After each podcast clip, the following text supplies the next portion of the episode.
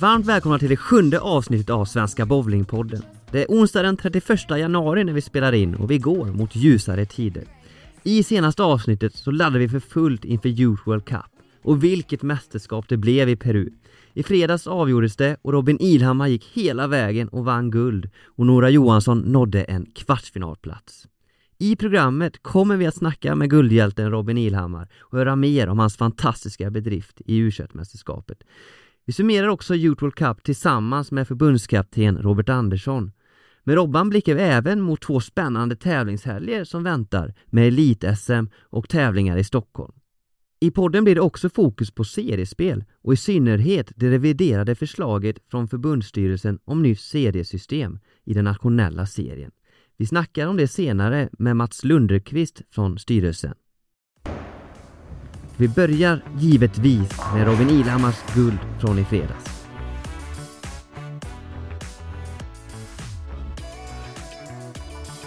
Robin Ilhammar dominerade under hela u mästerskapet i Peru.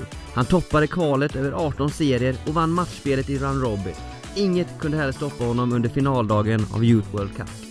I finalen kryddade han det hela med en 300-serie och han tog hem mästerskapet efter finalseger med 2-0 i serier över Zeno Jansen från Tyskland.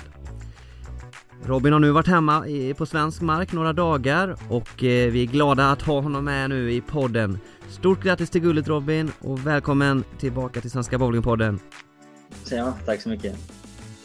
Hur är känslan eh, nu så här några dagar efter guldet? Jo, som sagt, man har ju hunnit smälta en del nu och det var en väldigt rolig upplevelse hela veckan där och sen att kunna krydda det med en 300 och ett guld, det, det kunde jag inte drömma om. Vad betyder den här segern för dig? Eh, väldigt mycket faktiskt. Eh, som sagt, det var ju bara en distans och att ta guld i den distansen var väldigt kul. Eh, mycket träning innan som har lett fram till det här guldet så jag är väldigt stolt över det. Jag känner det speciellt just det här, ofta är det ju så många distanser, nu var det liksom bara det här en distans det handlade om då och att också då kunna leverera, hur, hur gick tankarna kring det? Jo men precis, eh, det var inget som var klart förrän eh, den finaldagen då om man skulle komma hem med medalj eller inte. Så det gällde att vara fokuserad hela tiden, varje slag, varje serie. Eh, sen att jag kom hem med guldmedalj det är jag otroligt stolt över. Det var en lång väg eh, till guldet och hur upplevde du eh, de olika eh, stegen då, om du kan ta oss igenom lite här från kvalet till finalen? Ja precis, det var ju ett väldigt annorlunda format om man ska säga så. Vi började ju tre dagar där med kval med sex serier varje dag. Lyckades första dagen där med en väldigt bra väldigt bra block. Jag och Robban hade en bra gemensam gameplan där. Eh, funkar väldigt bra. Eh, lite reflektioner utav det och sen ta med oss till nästa dag. Gjorde ytterligare lite bättre. Den tredje dagen ytterligare lite bättre. Eh, sen som sagt, då var det ju topp 16 som gick vidare till Run Robin och 15 serie. Det vart lite annorlunda såklart. Eh, då spelade vi bara en per bana och sen på 16 olika banor. Eh, otroligt långt pass, men eh, det var väldigt kul att testa på. Eh, ja, det var väldigt skönt att kunna komma ur som bästa där med i, i det steget med. Och sen så var det ju finaldagen då. Eh, då gällde det att sova den natten så var det bara på det igen. Gjorde du det för att eh, nej men, eh, så bra kval då och så matchspel och så hela tiden ställa om från noll då efter de här stegen? Man fick ju inte med sig någon, någon bonus hur, hur det, gjorde du för att eh, köra igen från scratch? Nej, men det är väl eh, det är väl det jag tagit med mig från alla andra tävlingar utan om, det, om man kommer till en ny tävling så är det alltid noll. Du, du kan ju ha vunnit en tävling innan men det, det säger ingenting om den här tävlingen utan försökte bara dela upp den, den distansen i, i de olika blocken då. Eh, så gör det bästa av det. Det blev ju en sen kväll där efter, eh, eller hyfsat sen i alla fall då efter matchspelet och så som du säger då sen upp tidigt dagen efter hur, hur var känslan där i början i kvartsfinalen? Kände du dig eh, på något sätt sliten? Eh, lite sliten var jag väl. Eh, sen var jag väldigt taggad på att komma igång med finaldagen där efter så många eh, serier som man hade i ryggen då. Eh, så det var väldigt skönt att komma igång. Sen det stela man hade från dagen innan, det var borta i första serien så det var väldigt skönt. Första kvartsfinalen då blev 2-1, sen var det ju 2-0 segrar i de andra. Upplevde du kvarten som, eh, som det största testet för dig där i finaldagen? Ja, precis. Eh, jag började ju eh, första serien väldigt starkt där. Sen så bytte han lite klot. Han fick mycket bättre reaktion med sitt klot än vad jag hade med mitt då. Så där var man mest orolig i den matchen då. Men den lyckades jag ta vara på och vinna den och sen flöt det väl bara vidare sen. Ja, finalen 300, eh, eh, otroligt och hur gör du för att kunna plocka fram den nivån när det verkligen gäller som mest i ett avgörande läge? Som jag sa till dig innan i podden, förra podden där att mitt mål var ju alltid att vinna. och att få chansen att göra det då vill man ju ta vara på. och då var det bara att gälla göra så bra slag man kan varje ruta då. Eh, sen lyckades jag ha lite tur också, så det var väldigt kul att man kunde krydda med en trening. Ja, hur var, eh, när det väl var klart, känslan då, när du, när du hade, fick kliva upp sen överst på prispallen? Ja, men det var en lättnad var det. Eh, som sagt, det var ju målet och det var väldigt kul att man kunde uppfylla det. Hur tyckte du att ni fungerade ihop som team där med att vara iväg då tillsammans med Robban och Nora? Nej, men det var en väldigt bra grupp som åkte iväg. Eh, vi har haft väldigt många mästerskap ihop så vi vet hur vi fungerar både på och utanför banorna. Eh, så det var väldigt kul att ha dem med på plats där. Hur har dagarna varit här efter mästerskapet och så? Har det varit många reaktioner från eh, bowlare? Ja, det har varit många gratulationer. Det har varit väldigt, väldigt kul och det är en ära att få dem. Sen såklart nu nu har jag inte på jobbet igen så nu börjar vardag, vardagen igen. Ja, du förstod att du var igång redan direkt i måndags där. Du kom hem var söndag eftermiddag kväll till Nässjö och sen var det på't igen. Ja, precis. Vi kom med tåget vid 17 där. Sen var det bara hem och sova och upp och jobba igen. Vad är det du jobbar med? Jag jobbar som elektriker. Ja, ja. Har, de, har du blivit eh, grattad av de kollegorna? Ja, precis. Vi firade lite igår på jobbet. Så det, det var kul. Ja, det låter ju gott det, verkligen. Det var du värd. Eh, och vad väntar för dig nu härnäst i bowlingväg? Eh, lite små tävlingar. Eh, sen komma igång med seriespelet. Det var ett, ett väldigt långt uppehåll för mig då. Eh, missade de två första helgerna av året. Eh, på grund av mästerskapet då. Eh, sen stora tävlingen så kommer det ju World Series eh, på proffstouren i USA i början på april. Ja, spännande. Eh, Låter grymt detta. Eh, Stort tack Robin för att du var med här och att vi fick höra mer om den, din fantastiska insats här i Peru. Tack själv. Förbundskapten Robban Andersson han bara vara hemma några dagar innan nästa resa väntade. Nu har han begett sig till norra Finland och staden Kortane. Och vi har honom med nu direkt på Teams. Hallå Robban! Tjena! Det stämmer bra där. Jag är på eh, Olympiska träningscentret i Kortane. På iCoach. Okej, okay. precis. Du ska föreläsa nu eh, imorgon, fredag då va? Ja, jag ska köra igång konferensen. Jag ska föreläsa tillsammans med Piritta Kantula, damernas förbundskapten i Finland. Så ska vi prata om dåtidens, nutidens och eventuellt framtidens tvåhandsbowling. Yes, och uh, har du kört någon liknande typ av föreläsning tidigare? Ja, föreläst på korten för tio år sedan gjorde jag min första när jag hade gjort en studie i tajmingen på elitspelare.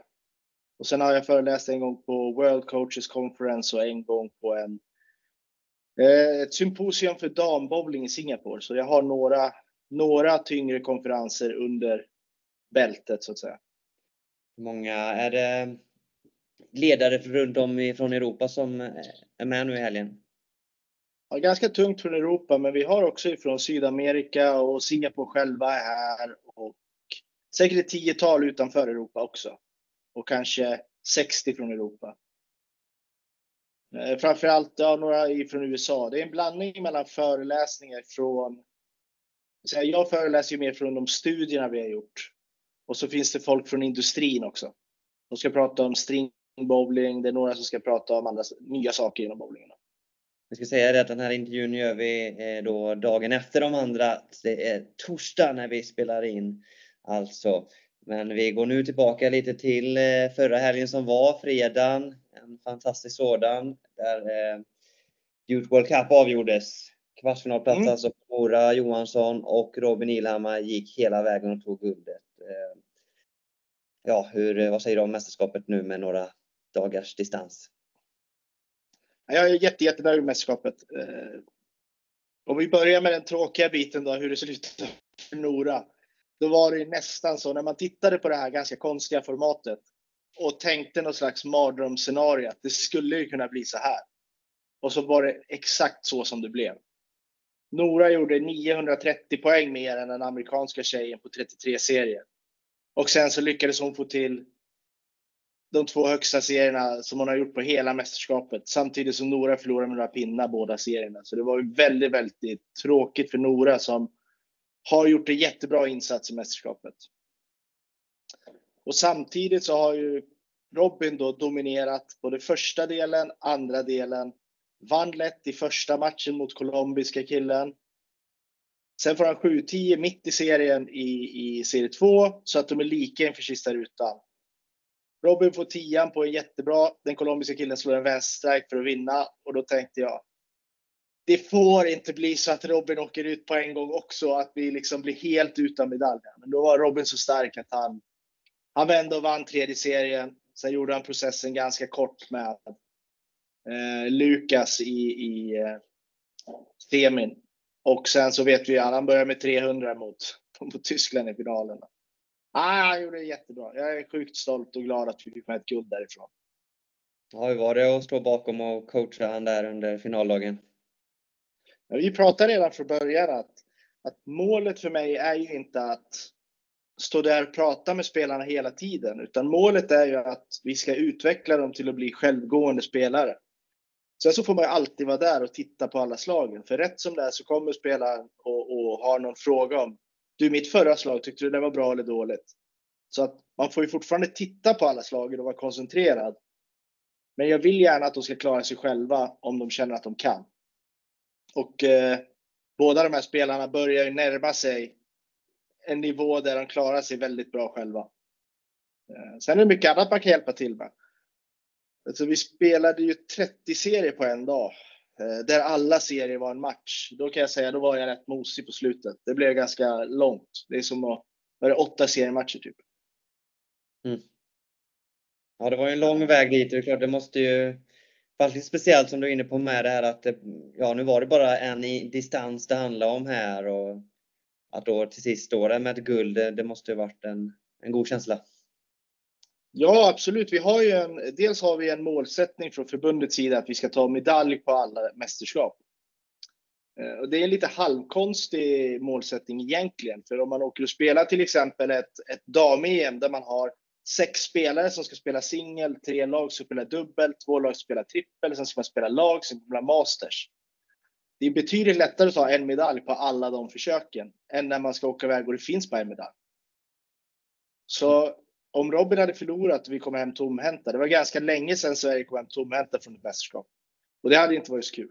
Vad pratar ni om där inför finalspelet så, det, när man gick från det här de långa distanserna till att det verkligen ställde sig till sin, på sin spets där och, och var bäst av tre serier? Men vi gjorde faktiskt så att vi tog en promenad på kvällen och, och tog med oss en macka och satte oss eh, och, och, och gick igenom noga allting som hade hänt upp dit och verkligen förklara för spelarna att nu är den här delen av mästerskapet klara och ni klarar er med eh, 10 av 10 poäng. Ni har varit skitduktiga. Nu har vi utvärderat det och nu får vi faktiskt stänga det här mästerskapet och imorgon är en helt annan grej framför oss. Och då går vi in med tyvärr då samma förutsättningar som, som de som har gjort mycket mindre än oss på de scener vi har spelat innan. Eh, så vi, vi jobbade ganska hårt på att ladda om. Sen betyder ju inte det att som Nora inte är väldigt ledsen och besviken när det blir så där. Men hon ska ju ta med sig att hon gjorde ju inte dåligt ifrån sig i den matchen heller. Det var ju inte hon som gjorde bort sig. Det var ju den andra som spelade onödigt bra kan man säga. Och eh, ja, precis, och som Robin har 300 i finalen där. Eh, mm. Kan du beskriva att, kunna, att man kan få till en nivån när det gäller som mest? Vi pratar ju mycket med alla spelare om att man ska ta slagen ruta för ruta och stanna i processen och göra ett bra slag. Och det där är inte så många, det är lätt att säga det men det är svårt att göra det. Men Robin har kommit väldigt långt där. Eh, jag tror inte, han sa till mig att han inte ens reagerade riktigt på att han var på väg mot 300 förrän han hade 8-9 strike. Utan innan dess så var det bara slag för slag. Eh, och det är en styrka hos honom. Han är väldigt, väldigt duktig på att eh, vara samlad, ta in och sortera information och om man pratar med honom när det går bra eller jättedåligt så pratar man liksom med samma människa. Det är inte så mycket eh, Alltså det finns känslor men de stör inte så mycket beslutsfattandet. Och arrangemanget så som helhet, hur eh, upplevde ni det? Eh, Peru gjorde ett jättebra jobb. Eh, jag har fått jag har nog allt fått veta när streamar inte fungerar. Det ska gudarna veta. Och när folk till och med är positiva att streamarna är bra och fungerar och resultatrapporteringen fungerar, då, då om alla svenskar är nöjda, då är det bra. Eh, allting annat som de kunde göra var också jättebra. Självklart blir det långa dagar för det är så mycket trafik i Lima att vi fick åka, så, vi fick åka två timmar innan vi skulle börja. Och det tog någon timme att ta sig hem också. Eh, och formatet är inte de som bestämmer så att eh, Limas organisation de får också höga betyg. Det var, det var jättebra allting. Jättefin anläggning också som jag säga. En riktig sportanläggning. Och då blickar vi lite framåt här till de två kommande helgerna. Det väntar två fartfyllda tävlingshelger nu, lite uppehåll i eh, seriespelet. Vi har Elit-SM som spelas då. Damerna kör i Tidaholm och herrarna i Helsingborg och det är ju kval som fortsätter då på lördag och sen är det finalomgång 1 och 2 som avgörs söndag och sen går ju de tre främsta eh, då vidare till stegfinalen som är under SM-veckan i Boden i slutet av mars. Hur eh, ser du på eh, mästerskapet som väntar där och kanske på damsidan som det ju eh, väntar också sen ett EM och kanske en del i uttagningsprocessen? Ja, tjejerna går ju mot en ganska tung eh, tävlingsperiod där vi både ska spela AIK Ladies och Merci-tävlingen. Vi har också egna Uretan-tävlingar på måndagarna efter. Eh, men också då Elit-SM kommer ju väga in eftersom alla, alla tjejerna till Sweden kommer ju spela Elit-SM. På killsidan ligger inte det 100% i år, så det är många som inte kan spela finalen och därför kommer de inte ställa upp i Elit-SM. Det är lite oturligt att det är den tajmingen, men det är också ganska svårt att få till allt på schemat. Och du var inne på det, det vi har eh, AIK Ladies Tournament som spelas för andra året i rad. Det börjar nu i helgen och fortsätter då med, med final, finalspel avgörs nästa helg. Och även samma då AIK Junior Tournament. Eh, och då kör ju ni Team Sweden Dam eh, på plats och spelar där och även eh, juniorlandslaget spelar juniortävlingen va? Det kommer bli en, en hel helg då där vi kommer samlas på fredagen och så kommer det uttagna juniorlandslaget spela ungdomstävlingen. På lördagen kommer ungdomstjejerna, U21-tjejerna och Team Sweden Dam spela AIK Dam. Juniorerna, U21-killarna kommer spela Stureby Open. På söndagen då kommer juniorerna få välja vilken tävling de vill fortsätta i. Sturebytävlingen eller ungdomstävlingen beroende på hur det har gått. Medan U21 kommer killarna spela Stureby, tjejerna spela AIK då. Och precis, och på Stureby en ny, nystartad tävling första året när den körs. Så då är det U21 Elit och juniorspelarna då som... Ja, som även några av Team Sweden här är där. Mm. Låter som det blir eh, fullt upp för dig som förbundskapten för alla de här lagen. Hur, eh, hur håller du koll på allt då? Ja, det är ju lite av en utmaning, men vi har ju Amanda och eh, Robin Skans, Amanda Andersson och Robin Skans, då hjälper med juniorerna. Mattias Melin och Karl Wahlgren kommer hjälpa mig med U21. Och jag kommer kanske behöva, eller jag, jag vill titta lite mer just på damerna eftersom att vi börjar närma oss en laguttagning där. Men absolut så är det en av de gångerna som man känner att det kanske är lite rörigt att ha alla lag. AIK Ladies är ju första tävlingen då, ska vi säga också, på eh, damernas elit-SM Tour. hur ser du på att eh, när nu körs igen, eh, AIK Ladies och att eh, vi har några rena damtävlingar? Ja, men det är ett måste. Det, det har blivit mycket svårare för damerna att kunna spela ihop med herrarna på Europatouren. Eh, och eh, i och med att vi inte ska spela mot herrar när vi spelar mästerskap så blir det också ganska irrelevant för oss som förbund att lära spelarna det. Så att vi måste förse damerna med egna damtävlingar. Eh, och åka på kanske internationella tävlingar och bara spela mot damer för att förbereda oss för mästerskapen. Så jag är väldigt, väldigt positiv. Blir det någon extra samling så vid sidan av spelet för, för damerna? Vi kommer samlas men i och med att vi börjar närma oss en laguttagning så himla mycket så är det svårt att göra olika teambuilding-saker. Eh, alla vet att det kommer gälla att vinna mot varandra. Det är absolut ingen tråkig stämning på sidan av banan. Men det är inte heller läge att be alla hjälpa varandra när de egentligen vill slå varandra. Men vi kommer att äta upp på kvällarna och vi kommer att ha mer gemensamt då på söndagskvällen när vi stannar kvar och fortsätter träna på, på måndag. Ja, det blir andra måndagsträningen då, vad ni körde efter eh, AIK International Tournament och eh, sen har jag förstått att det väl blir en efter Merci där i mars med. Kan du berätta lite mer om varför ni kör de här extra tillfällena?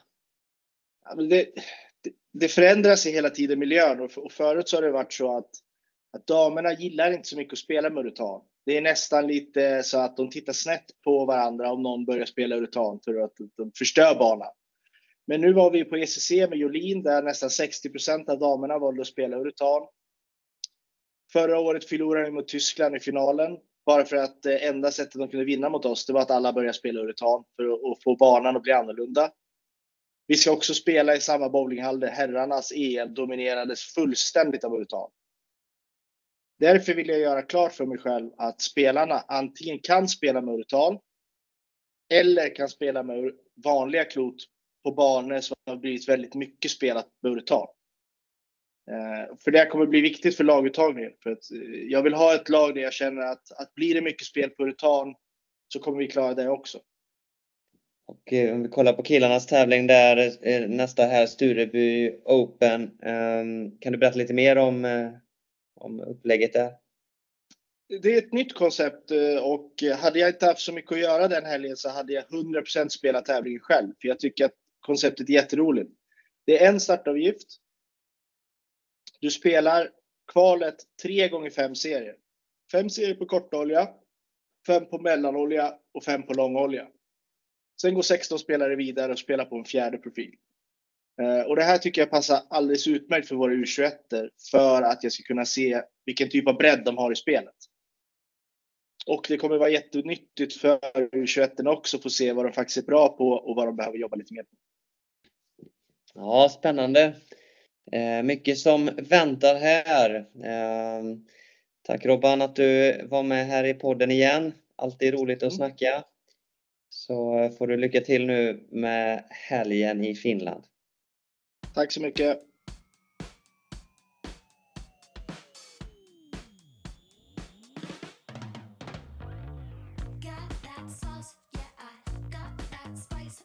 Nu ska det handla om vårt seriespel.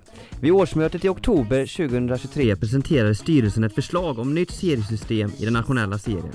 Efter diskussioner så beslutade årsmötet då om återremiss i ärendet och styrelsen fick i uppdrag att presentera ett nytt förslag som det ska tas beslut om vid det extra förbundsmötet nästa söndag den 11 februari i Haninge i samband med ordförandekonferensen.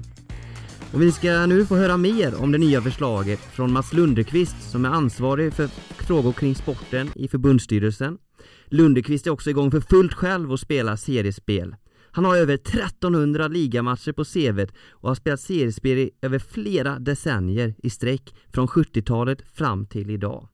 Den här säsongen har han hittills spelat tre elitseriematcher för Kulladal och annars har han bowlat för fullt i deras farmarlag i Sydallsvenskan. Vi säger hej och välkommen till Mats Lundqvist! Tack så mycket!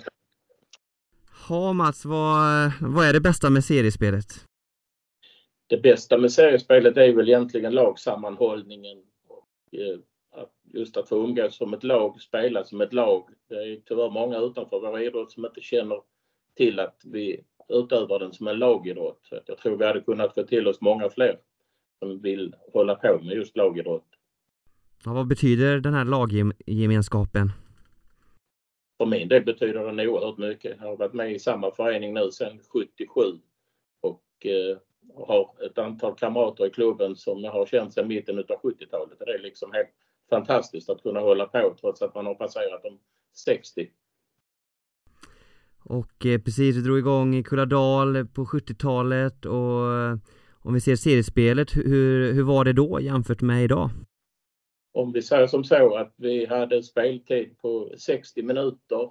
Vi spelade med europeiskt spelsätt och vi räknade kägelpoäng. Så att det är ganska mycket som har förändrats sedan dess. Så det har väl varit två av de stora omläggningarna genom åren som jag varit med om när vi övergick till amerikanskt samt när vi började med banpoäng istället för kägelpoäng. Ja, och nu är det eventuellt en eh, liten omläggning på gång här igen då ju. Eh, eh, förra förslaget som presenterades i höstas gick inte igenom men eh, nu har ni ett nytt som är presenterat och eh, som distrikten har fått ta del av och eh, som också finns på vår hemsida.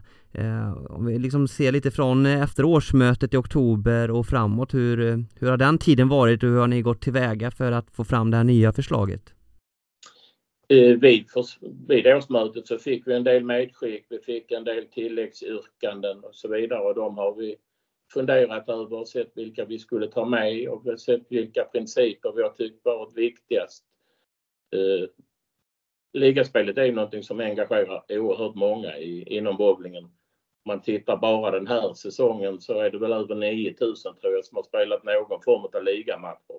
Och det är inte hälften så många som spelar tävlingar till exempel. Så ligan är ju det viktigaste vi har i svensk bowling. Ja precis och eh, just det där då förändra det, det måste vara, kan, kan säkert vara lite extra känsligt då? Det är alltid känsligt och eh, den senaste stora omläggningen vi hade var ju när vi införde någonting som kallades BOSS för ett antal år sedan eh, där inga placeringar från början gav avancemang eller degradering. Det är ju en av principerna som många har efterlyst att om man vinner en serie så ska man gå upp eh, i serien över till exempel. Kan du berätta mer nu då om det nya förslaget här som ska tas beslut i då kommande nästa helg? Ja, det vi har föreslagit nu då har vi tagit fasta på tre principer framförallt. Det är att seriesegrar ska gå upp utan kval. Eh, det kommer det, så kommer det bli det nya förslaget förutom till elitserien där det fortfarande kommer att krävas ett kval. Vi kommer också att reducera antalet lag på toppen av svensk bowling. Så vi föreslår att elitserien bantas på här sidan från 12 lag till 10 och de allsvenska serierna i Syd och Mellansverige går från 16 lag till 12 lagserier. Sedan där under division 1 blir det i princip oförändrat mot idag men seriesegrarna kommer gå direkt upp. Och under, från division 2 och neråt så kommer det bli mer flexibelt vad det gäller antalet lag i serierna. Man kommer att utgå från åtta lagserier men SK får i uppdrag att sätta ihop serierna så att de blir rimliga geografiskt. För det, det man också har efterlyst i Sverige är kortare resor på lägre nivå. Det har vi försökt följa här i det här förslaget också. Vilka är framförallt fördelarna med, med de här principerna? Som sagt, som jag sa tidigare, det är många som har efterlyst att seriesegrarna ska gå direkt upp. Det tillgodoser vi överallt där det är möjligt, att säga utom till elitserien. Och sen är det, har det varit väldigt mycket diskussioner om resorna de senaste åren, framförallt på lägre nivå. Eh, dels har resandet blivit dyrare men det beror på att avståndet mellan klubbarna också blivit längre efter när vi har blivit färre bobblare. Men har det varit liksom klurigt att anpassa och när ni har kollat på det att eh, ja, när man får, får till det så bra som möjligt? Det är som sagt var seriespelet engagerar alla och alla har åsikter om hur det borde se ut naturligtvis. Och vi har försökt få ihop det här på bästa möjliga sätt. Eh, vi tror ju att på lägre nivå så är det framförallt resandet som man vill undvika. Man vill lägga kortare tid på vägarna än vad man gör på banorna i alla fall och det ska vi försöka se till att det blir så. Men samtidigt vi håller på med en idrott. Det påverkas också naturligtvis av hur lagen presterar sportsligt och vilka divisioner de hamnar i. Och du har pratat tidigare om det här eh, i en artikel och på Sveboll med att, eh, att ni, man vill åt liksom en liten spetsigare spets va? och att det blir lite bredare i de lägre divisionerna, en bredare bredd. Eh, vilka fördelar ser du med det? Precis, om man tittar på elitserien idag så, och, så är det ganska stor skillnad mellan topplagen i elitserien och de lag som slåss i, i botten av elitserien där min förening är en av dem som slåss i botten. Och det, vi förlorade till exempel här förleden med 20-0 mot, mot Klan så man kan ju säga att det är rätt stor kvalitetsskillnad i vissa, åtminstone i vissa matcher. Eh, vi behöver kanske, om vi toppar eh, och gör det svårare att ta sig dit och ska förhoppningsvis göra serien ännu jämnare i elitserien. I allsvenskan har det varit mycket diskussioner om minisammandragen Eh, när det varit 16 lag. Det är inte alla lag som har varit speciellt förtjusta i minisammandrag att spela hemmamatcher utanför sin hemmahall för man vill vara tillgänglig för sin publik och för sponsorer. Eh, så minisammandragen försvinner i det här förslaget så att det blir en rak 12-lagsserie istället. Så jag tror att det här kan leda till liksom fler jämna matcher, om vi kollar just mot elitserien lite då och, och, att det kan bli ännu, ja men ännu mer tuffare kamp om det hela? Ja, ju färre lag desto tuffare blir det naturligtvis. Eh, vi kommer, har också föreslagit att eh, som idag eh, går ju lag 1 till 4 direkt till slutspel. Men vi har också föreslagit här att i fortsättningen kommer lag 1 och 2 gå direkt till slutspel medan lag 3 till 6 kommer att göra upp i ett playoff om två slutspelsplatser.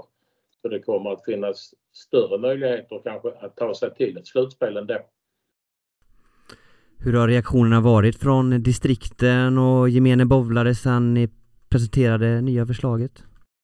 Det är som tidigare, det finns lika många åsikter som det finns bowlare i det här fallet så att eh, det återstår att se nästa söndag vad distrikten säger om det hela. Vi kommer att börja med på distriktskonferensen på lördagen att gå igenom förslaget också och ta frågor från distrikten och så vidare så att förhoppningsvis ska hela ärendet vara genomdiskuterat på lördagen. Ja precis, det blir lite förberedande pass där då på dagen innan där man blir, blir mer snack om det hela. Det blir ett pass på lördag eftermiddagen där vi kommer att gå igenom förslaget och se till så att inga, inga saker är oklara förhoppningsvis i alla fall inför söndagens extra årsmöte.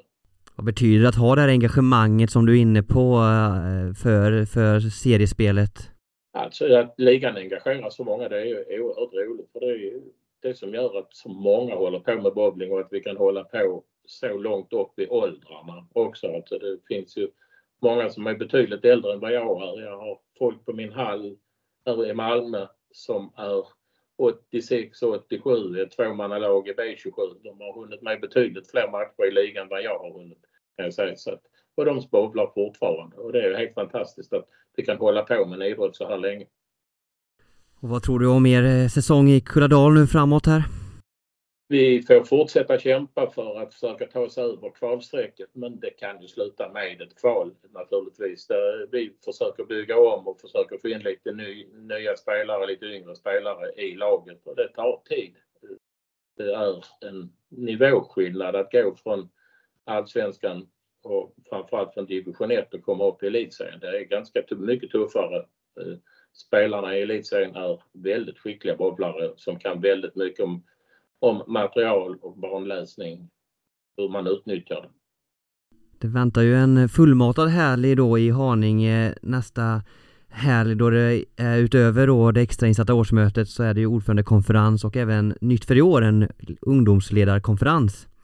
Eh, kan du berätta lite mer om helgen där som väntar? Det, vi har ju varit inne länge på att vi skulle ha även, samla även ungdomsledare så att vi får med dem på de här konferenserna. Nu kommer de ha en separat konferens men vi kommer också ha gemensamma, en gemensam föreläsning. Och det är väl trevligt att vi kan träffas ledare som är både lite äldre och yngre för vi har ganska mycket att lära av varandra tror jag. Så det är väl ett jättebra tillfälle det här. Ja, härligt. Ni kan alltså läsa om det nya serieförslaget i sin helhet på vår hemsida swebowl.se. Tack så mycket Mats för att du gästade oss i Svenska Bowlingpodden. Ha det fint så hörs vi. Tack så mycket. Det har blivit dags att runda av för idag. Om ni har frågor eller tips får ni jättegärna mejla det till mig på linus.virén.sweboll.se Tack så jättemycket för att ni har lyssnat så hörs vi snart igen. Hej då!